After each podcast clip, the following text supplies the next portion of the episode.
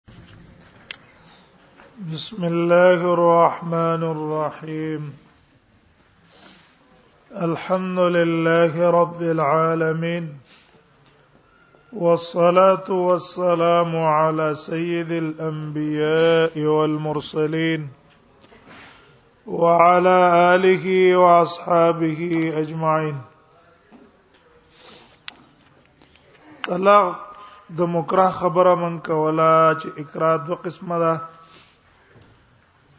یو اکراه ملجئ ده یو اکراه غیر ملجئ ده اکراه غیر ملجئ کې سړی خپل خزله طلاق ورکی نو په اتفاق علماء باندې په دې کې طلاق واقع شو هیڅ اختلاف په دې کې شته ده نه ځکه دا اکراه اکراه نه ده او د اکراه ملجه د پاره منګه درې شرطونه ویل دویم د اکراه ملجئ اکراه ملجئ کې طلاق واقع کیږي که نه واقع کیږي نو دا اختلافي مسله ده د علماو منځ کې یو قول د علماو دا ده چې په اکراه په صورت کې طلاق نه واقع کیږي یو سره 50 زورو کې چې شابه مړ کومه دی یادن الله صحف پر کومه کنه دا خزه د طلاق کا او دا راولګې دو په دې حالت کې خزه طلاق کا په دې باندې طلاق نه واقع کیږي دلیل یې نیولای دی دا مذهب دی د جمهور علماو نقل له د عمر نه هم د علی نه هم او عبد الله ابن عمر نه عبد الله ابن عباس نه عبد الله ابن الزبير نه جابر ابن سمره نه او دا مذهب ته د امام مالک امام شافعي امام احمد او امام اوزاعي او اسحاق بن رهوه د ټول علما او مذهب دا دی چې په اکراه کې نه طلاق واقع کیږي او نه په اکراه د صورت کې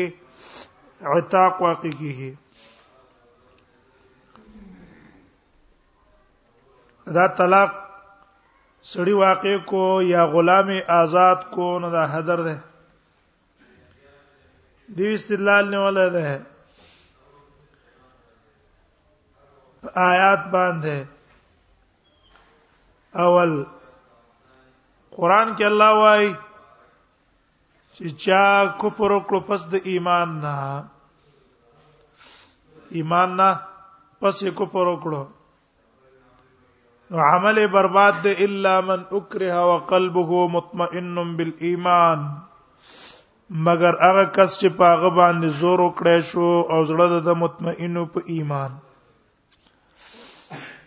ګور په آیات نه معلوم شو چې په یک صورت د اکراه کې سړی کلمات د کفر اوای په دې باندې کافر نه ګرځي نو کفر ډیر اوچته درجه ده چې په صورت د اکراه کې سړی په کلمې د کفر کافر کیږي نه نو چې د کفر نه په درجه کې خکته شه دی چې عتاق ده او طلاق ده دا خو په طریقه ولانه واقع کیږي دویم استدلال غیو نیول ده په حدیث د عبد الله ابن عباس رضی الله عنه ابن ماجه راوړی ده چې رسول الله صلی الله علیه وسلم فرمایلی دي ان الله وضع عن امتي الخطا والنسيان ان الله وضع عن امتي الخطا والنسيان وی الله تعالی زما د امت نه خطا او نسیان وذکر ہے زما امت په خطا باندې یو کار وکي یات یو خبره یې رشوي هغه وکي نو الله په نرانسی او مستکره علیه او هغه شی چې په دی باندې زور وکړې شو په صورت د اقرا کې الله نه رانی سي ومستکریواله دریم استدلال غوونه ولا ده په حدیث د باب باندې ګور رسول الله صلی الله علیه وسلم روایت ته لا طلاق ولا عتاق فی اغلاق د عائشه رضی الله عنها روایت چې نو واقع کیږي طلاق او نو واقع کیږي عتاق فی اغلاق په صورت د اکراه کې دیو جن مصنف په معنا کړی دا قیل معنی الاغلاق الاکراه او معنا د اغلاق اکراه ده بل استدلال په بل روایت نه ولا ده عبد الله ابن عباس لا طلاق الا عن وتر لا طلاق الا عن وتر وی طلاق نه واقع کیږي مګر الله چې سړی خپل حاجت پوره د خزینه نور دا خزه نه د خوخه ځان سي سارول نه غواړي او د اوسره لګي پس د نزان ته خلاصي او خزل طلاق ور کو دا طلاق واقع کیږي په صورت د اقرا کې خو تر نشتا دویمه قال د امام ابو حنیفه رحمه الله ده د سفیان ثوری ده د زهری ده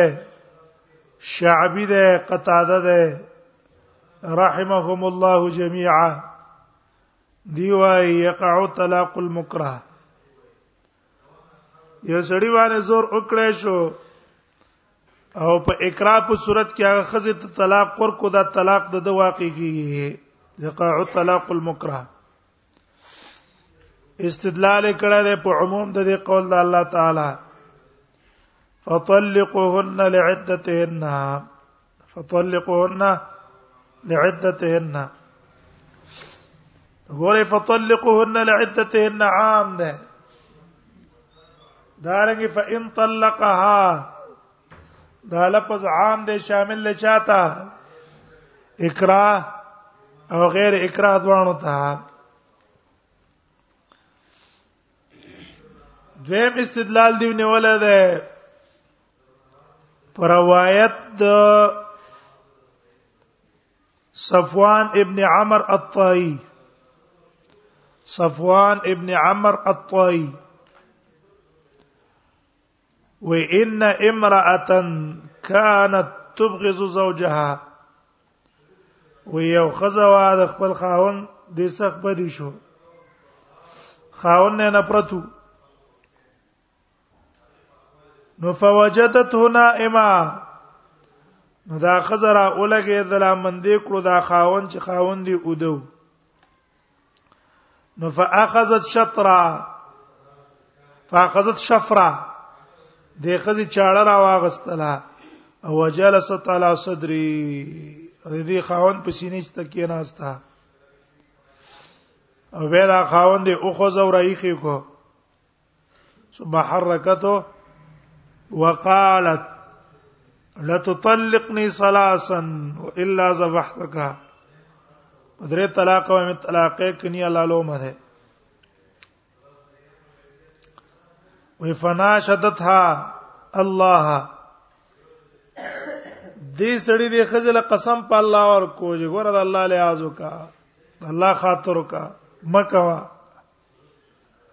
خو هغه ته ویل چې نه نو دیرا اولګې دلو فابت فطلقها ثلاثه خځه انکار کو چې نه پرېدم ده نه نو خاوند دی را اولګې دو په درې طلاق باندې طلاق کړه وی بیا نبی صلی الله علیه وسلم ته دا سړی راغې ثم جاء الى النبي صلی الله علیه وسلم فساله عن ذلك نبی صلی الله علیه وسلم تراغه د دې په باره کې تپوس وکړلو نبی صلی الله علیه وسلم فرمایل لا قیلوله فی الطلاق لا قیلوله فی الطلاق په طلاق کې به تقیلوله نه کیږي چې تبه کې قالو کې کنه طلاق کې څه نه کیږي اقاله پکې نه وي اذا لك خزه د توي زبیت مې در واپس کو زدا طلاق نه قبلو ما دکې قاله نه کیږي درم دی وای وی ګوره دا طلاق ده طلاق او په کوم ځای کې ده طلاق من مکلف فی محله طلاق د دې چې سړی د طرف نه چې مکلف ده او واقع شوم ده په محل کې ځکه دای خزه ده نو دا طلاق به نافذي په شان ته د طلاق د غیر مکره غیر مکره طلاق چې څنګه نافذي دغه صدا به می نو دیو جنا بس طلاق واقع شو جمهور علماو د احناف د دلایلو نه جواب کړه وې تاسو چې په آیات باندې استدلال نه وله دا غینه جواب کړی چې د آیات عام نه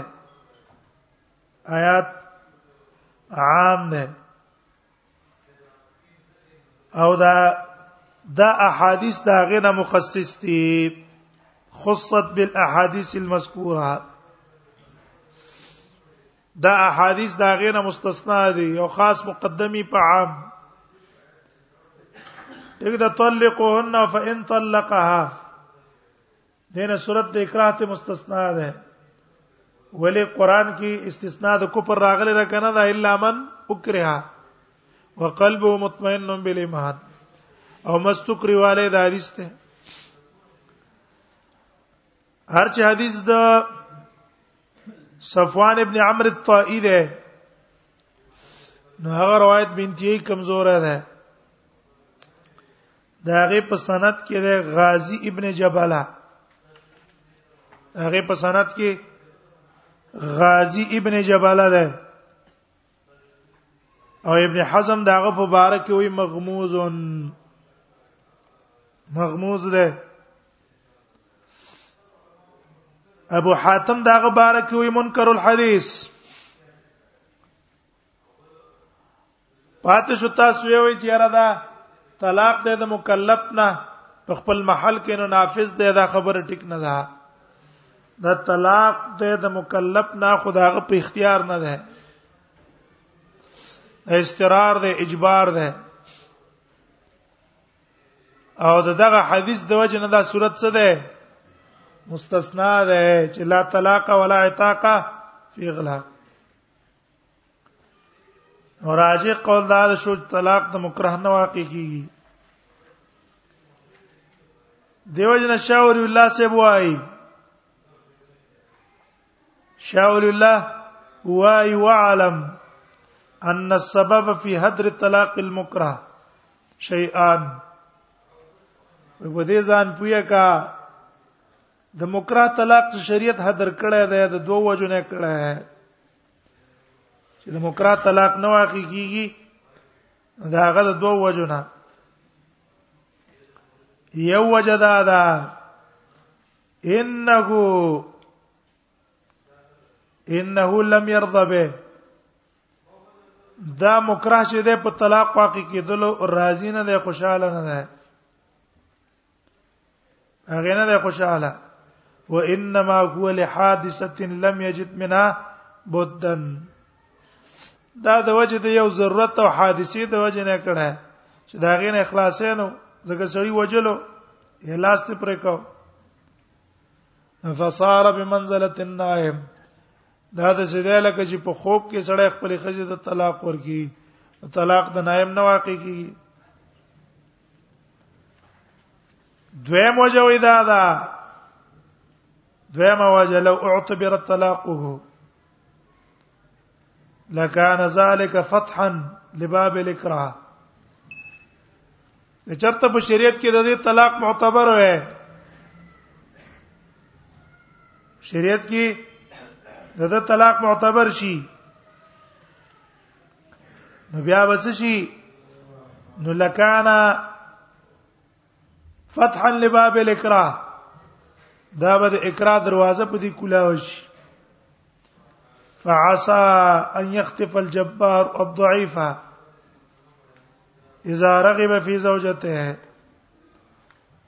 یو زور اور چړای وای د کمزوري چړي خزه به خوخيږي نو ده برا لګي پاغه باندې به زور کوي هغه باندې بچ کوي هغه باندې به زور کوي زور نو د دیو جنا شریعت را اولګېدلو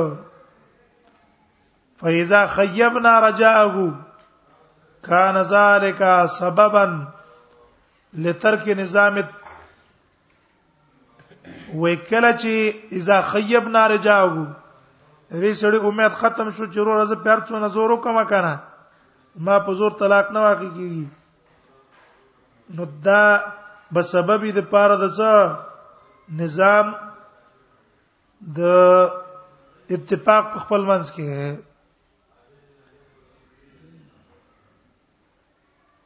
ها علما وای چې بعضی صورتونو کې طلاق د اکراه معتبر ده بعضی صورتونو کې اکراه طلاق معتبر ده چې پاغه صورتونو کې یو صورت ته ده یو سره قسم وکي خپل خزه ته زما تاسو سره سره وتی نه کومه او په د باندې سلور میاشتې تیر شوې هغه علاج وته وای او څلور میاشتو پورې مو ته نږدې نه شو نو د دې نه بعد به قاضي را لګيږي حاکم او قاضي به را لګيږي په دې سړي باندې به زور کوي اما بالوتی و اما بالطلاق شابه خزه ته رجوع کا او کنه خزه شابه واقع ک طلاق کا په دې صورت کې کرا څه شو دا جایز شو دې صورت ته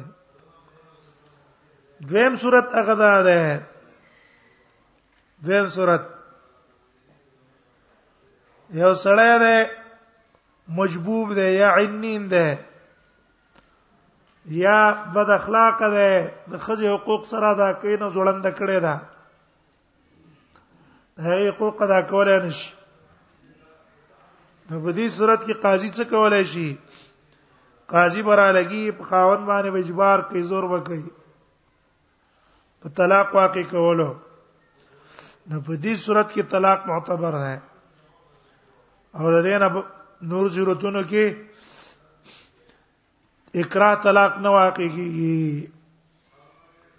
طلاق نه واقع کیږي نو قیل مان الاغلاق الاکراه چا ویلي د اغلاق معنا څه ده اکراه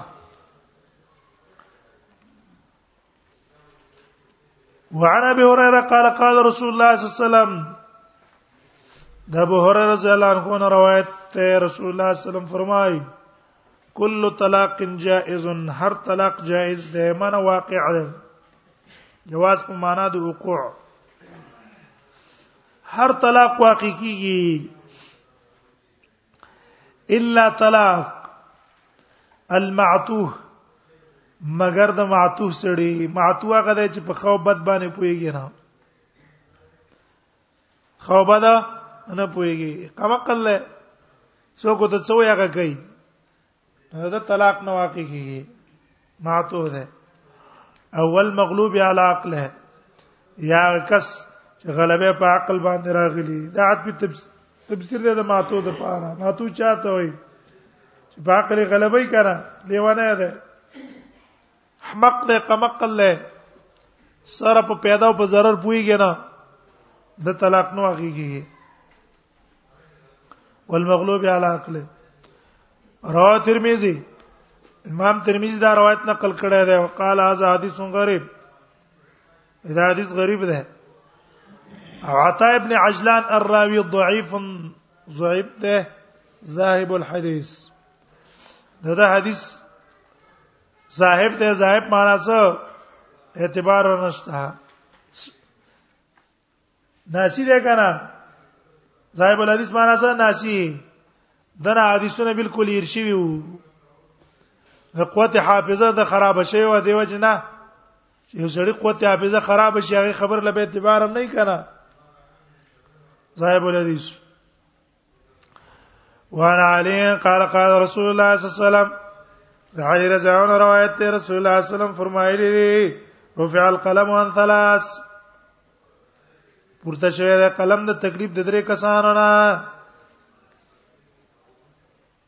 عن النائم یو د اذنا حتا استيقظ تر دې چې رايخ شي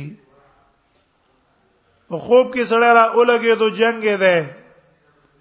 استيقظ ته په خوب کې ویل ته طلاق ہے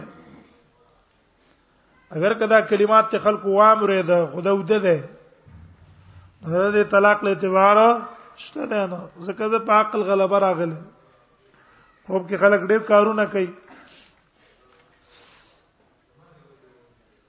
دویم قلم د تکلیف پورته ده وعن الصبيه طيب لغه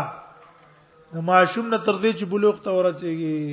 مناسبت د باب سره ده ده کنایم ورکو خوب کې سړی خزر طلاق ورګي یا ماشوم خپل خزر طلاق ورګي د اعتبار نه بیا رفع القلم عن ثلاث دا معنا نه ده یو زنانه د په خوب ټیم کې بچي د ځان لاندې کونه په دې بد کفاره نه وي نه دا قتل خطا ده صدا قتل خطا ده او رفع د قلم معنا ده چې مؤاخذه په دې نشته کدی خزی دا بچی ځان لاندې کو ګناګار نه ده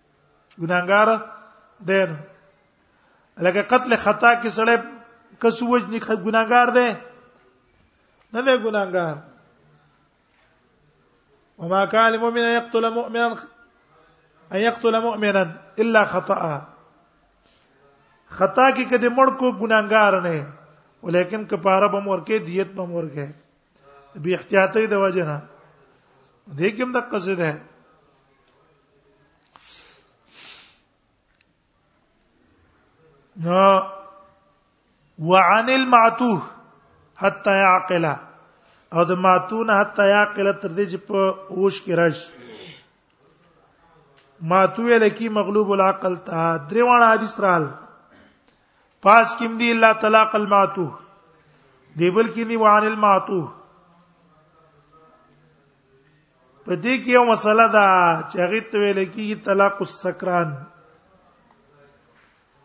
یو سړی په دې اتفاق ته د علماو چې یو سړی باندې بیوشي راغله د پزان پوي نه خو د دې سبب د وجنه نه دا بیماری د وجنه په دراغله الله د طرف نه آیا د بیماری په وجه او دې را ولګېدو په دې حالت کې خپل خزل طلاق ورکو نو په اتفاق د علماو په دې صورت کې طلاق نه واقع کیږي لیکن که شراب اوسکل اپینو نشه وکړه یا چرسو نشه وکړه لاو نشه په قتلا او په دې نشه ټیم کې دی را اولګې د خپل خزي دی ویل چې ته طلاق ہے نشه شوه د څه د وجنا په ارتکاب د حرامو چې د حرام شی په خپل خوړلې ده او دا غي د وجنه په نشه قتلې او خزر طلاق ورکو آیا په دې ټیم کې طلاق واقع کیږي کنه نو په دې کې یو قول له د امام ابو حنیفه رحم الله امام ابو حنیفه وايي چې دا طلاق واقع کیږي طلاق څه ده طلاق واقع ده او دا قول د امام مالک نم نقل لای سفیان ثوری نم ده او زاعی نم ده وی طلاق واقع شو زجرا له د پار د زجر د ده چې ولې دا نشه کوله دویم قول د جمهور علما ده چې دا قول نقل دی د عبد الله ابن عباس نه دارنګه د عثمان رضی الله عنه نه چې عثمان ویلې سلی مجنون ولا سکران انطلاق ابن ابي شيبه ته قول نقل کړه ادا قول دی د عطا عطا موي طلاق السکران لا يجوز همدارنګه د تاوس قول هم ده چې لا يجوز الطلاق دارنګه قاسم ابن محمد او د عمر ابن عبد العزيز مذهب هم ده عمر ابن عبد العزيز ته یو سکران را وستل شو خپل خزه طلاق کړو په حالت د سکر او نشه کې نو عمر ابن عبد العزيز له قسم ورکړو فاستحلفه بالله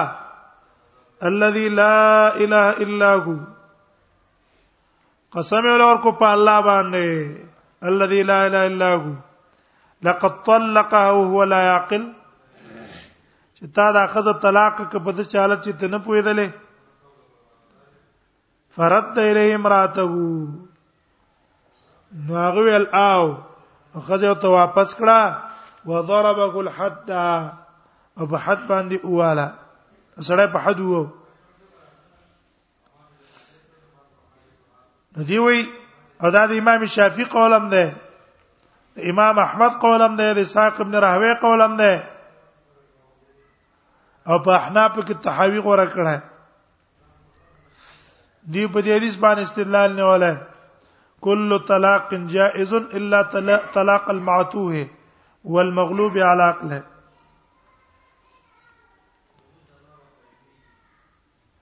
بلغ حدیث د عبد الله ابن عباس ته لا طلاق الا وتر لا طلاق الا عن وتر طلاق له واقع کیږي کله سړی د خپل خزر حاجت پوری بل بخاری کی روایت ته حمزه شراب سکلیو نشه په قتل واچلا حرمت نور راغله د شرابو او د علی هغه وخی واله نبی صلی الله علیه وسلم د علی سره لاړو او حمزه ملامت کاو حمزه باندې نشه خطر وا سکته پورته نبی سلام تو قتل ویل هل انتم الا عبید لابی دا زما د پلار غلامان نه ګوره کدا کلمه حمزه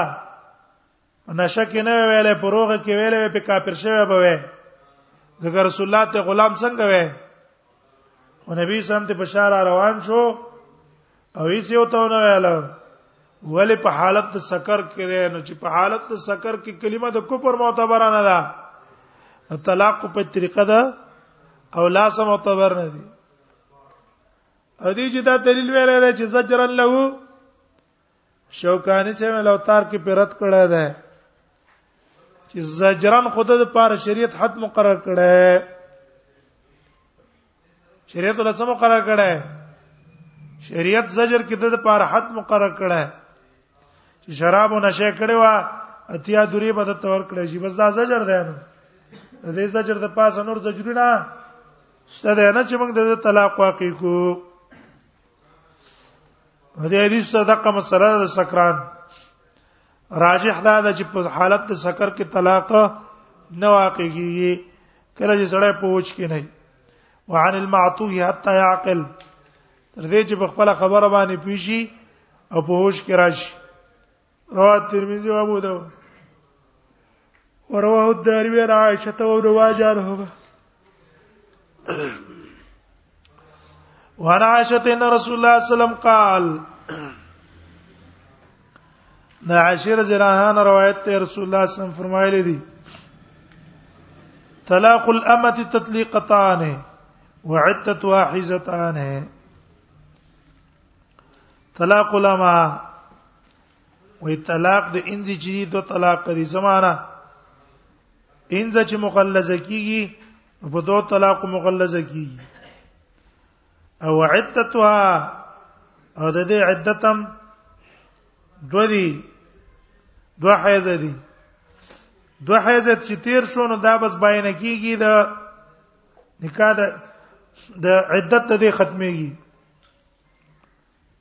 وعدت واحزتان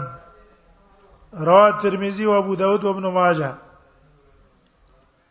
په دې حدیث باندې احناف استدلال نه ولې مخکې مسله مونږ ویلې و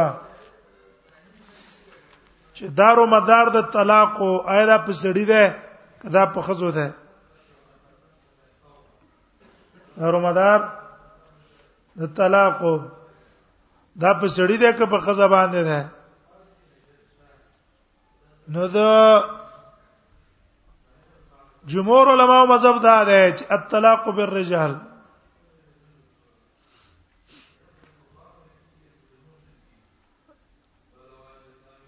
جمهور وايي الطلاق بالرجال چې دار و مدار د طلاق په سړو باندې ده که سړی حرو نو خزه به څو باندې طلاقيږي بدرو اگر که خزه انځي او که سړی غلامو اگر که خزه څوا اما وا نو عدت به مغلس کی به پسو طلاقو پدریو او عدت نبی وزي پدری حیزو او امام ابو حنیفه وی طلاق پچا ده الطلاق بالنساء دار مدار د طلاق په خزو باندې ده که خزه اما وا اما وا اگر که خاوند حوري دا خزه په څو طلاقو مغلظه کیږي په دوو او چې یو طلاق ولور کو چې دا باینه کیږي د دنا په دوه حیزو کرجو تو که په دې دوه کې ټیک دا او که په دې دوه کې ترجو اونکړه ته باینه شوه په دې دې استدلال نه ولای طلاق الامتی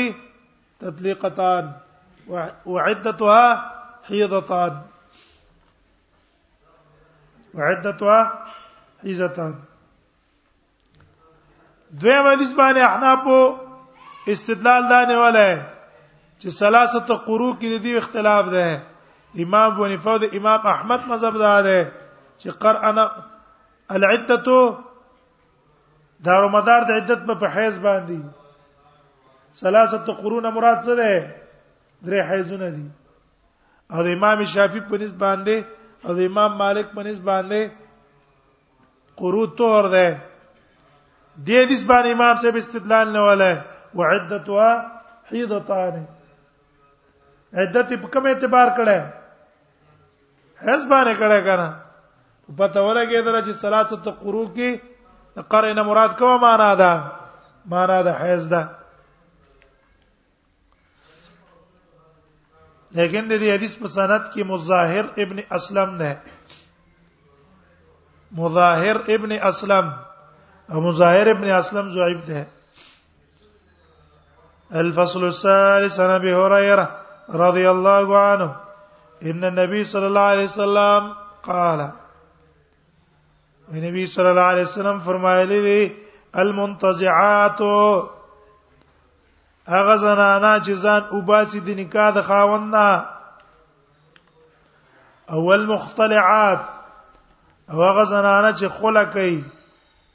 د خپل خاوندانو سبي ضرورت منتزعات معنا څه ده چې د خاوند د نکاح نه ځان وباسي پس چلول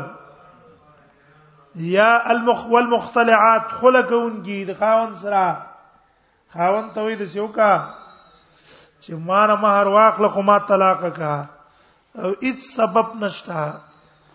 خاون د خمرزی الخلق ده رس عادل کوي انصاف سره کوي خ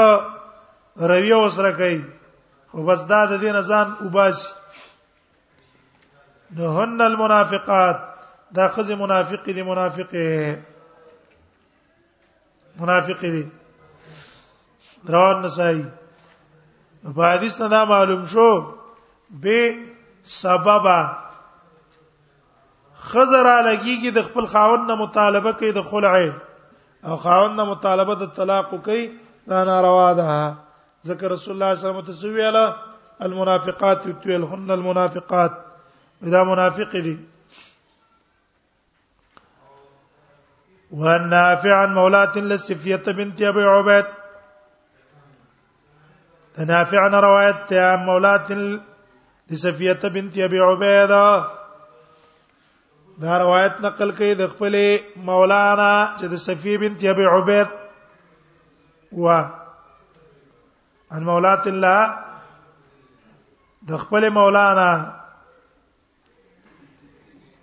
لسفیه بنت ابي عبيد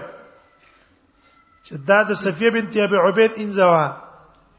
انها اختلعت من زوجها چې دی سفیه بنت ابي عبيد خلا کړې و د خپل خاوند نه بكل شيء لها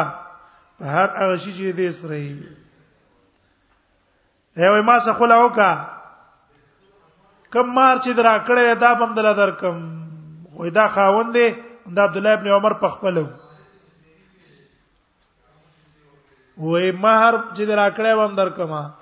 ما څه چې څونه پیسې دي دا بم دل درکم کما سونا او چاندي د زما خپل هبم دل درکم خو ما څوکا ما طلاق کا فلم ينكر ذلك عبد الله ابن عمر عبد الله ابن عمر دا بده ونه غنلا جایز کړه دې کې هغه مسله د دویمه د خلع د باب په سر کې او تمنګ ویل اشاره کړې و چې په خلع کې د خپل مہر نه زیاتی شي غستلې شي کنه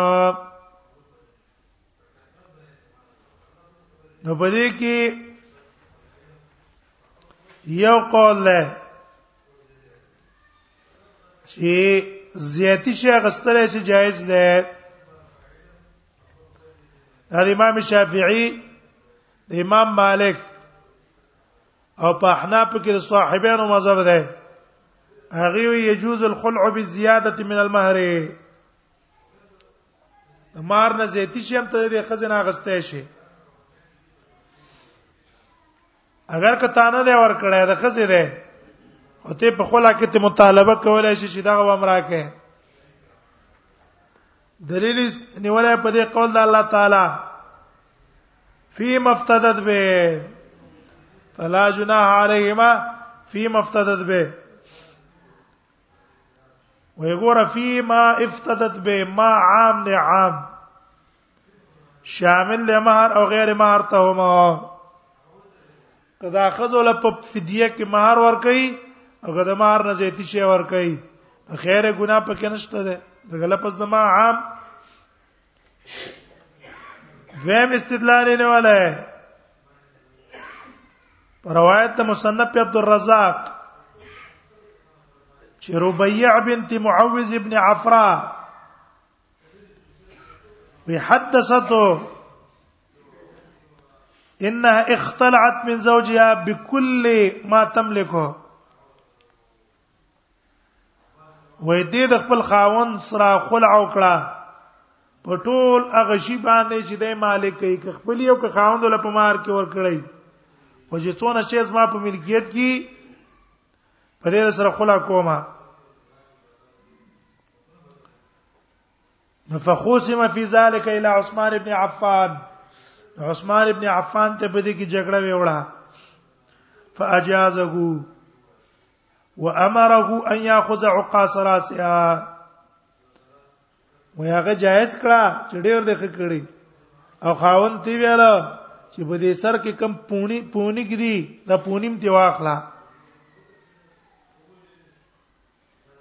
دار ابن عمر وې دم څه کړو اختلعت من كل شيء لها ومن كل ثوب لها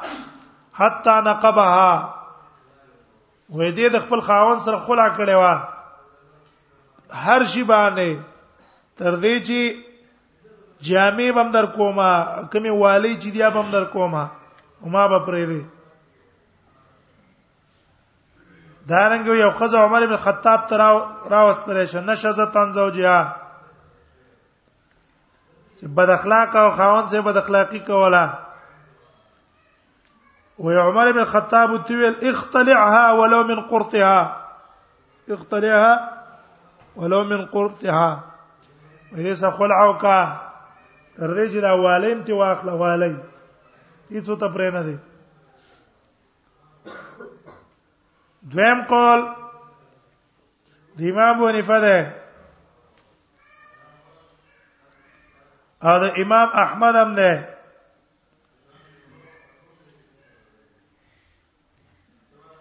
او دا د زهري قول هم ده هغه وی په خلا کې د خپل مہر نه زیاتیا غشي غستل جایز نه دی زیات به نه اخلي دیو استدلال نه ولا دا قول علي هم نه علي ولا ياخذ منها فوق ما اعطاها لا ياخذ منها فوق ما اعطاها سونه چې ورکړې دا غې نه برابر تي څه نه اخلي دا قول توسن ده تاوس لا يحل ان ياخذ منها فوق ما اعطاها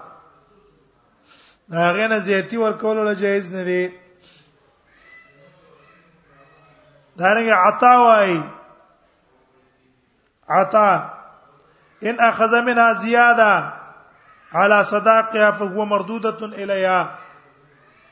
هغه د مہر نه زیاتی چې ته واغستو به ته بیاغه ته واپس کړي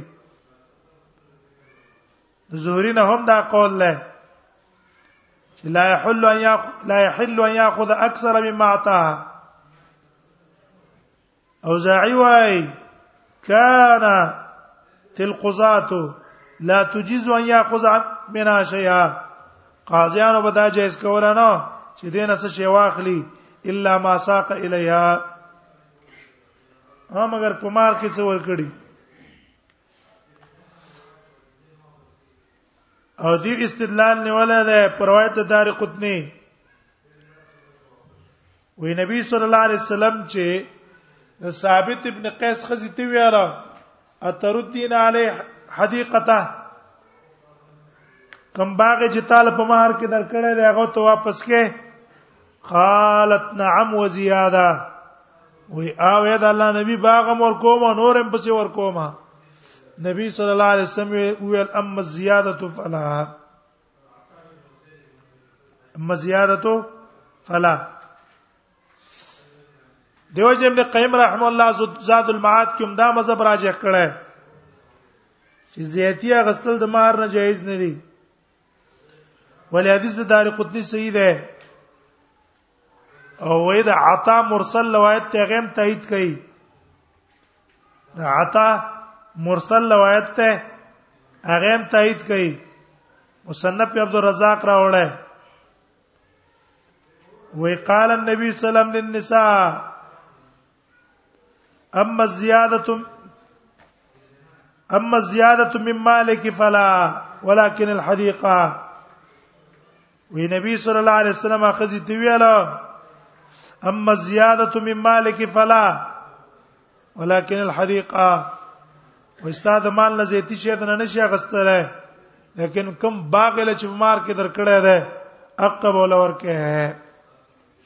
هغه به ورکه زیتی باندې ورکه نو اختلعت من زوجها بكل شيء لها دی خلا کړي وا بكل شيء په هر شي لها چې دی دیو د دې خاون څخه خلا وکړه چې ما څه څه زب ټول تعالی درکم فلم ينكر ذلك عبد الله ابن عمر عبد الله ابن عمر دا منکرونه غنله جایز کړه بس به کو